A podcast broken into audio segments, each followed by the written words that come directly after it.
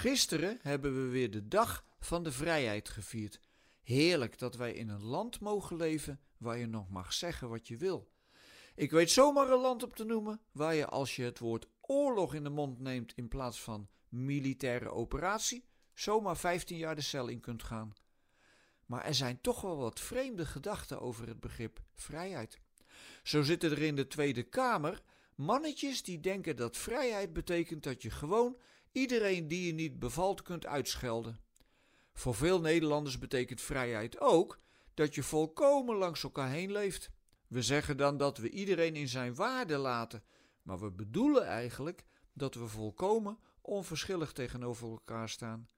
Dat heeft allemaal niets met het Bijbelse begrip vrijheid te maken. Het berust sowieso op een misverstand. Vrijheid is namelijk altijd vrij zijn van iets, zodat je vrij bent om iets anders te doen. Om het netjes te zeggen, het is een relatief begrip. Stel, je wil uit het raam springen en naar boven vallen.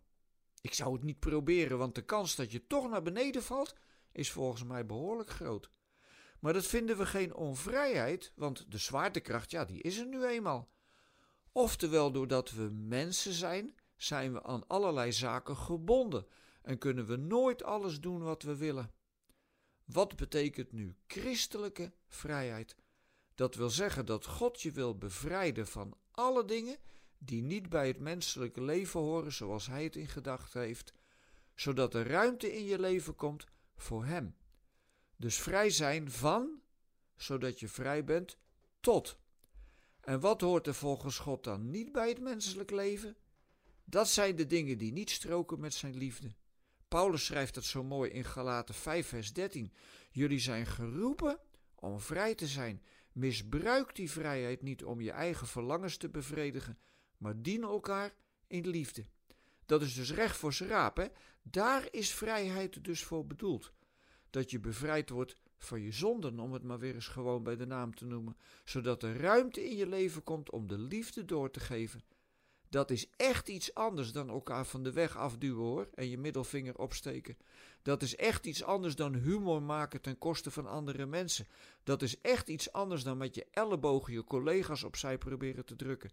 Dat is namelijk helemaal geen vrijheid, maar vastzitten aan je ego. Het is ook iets heel anders dan maar langs elkaar heen leven. Het is juist op elkaar betrokken zijn, in wederzijds respect. Bijvoorbeeld, ouders die hun kinderen helemaal vrijlaten in alles, zijn slechte ouders. Net zoals ouders die hun kinderen dooddrukken met regels en voorschriften. Maar waar de liefde geleefd wordt, is de vrijheid van God aanwezig. Bij alles wat je doet, steeds weer een lijntje trekken naar de liefde van God.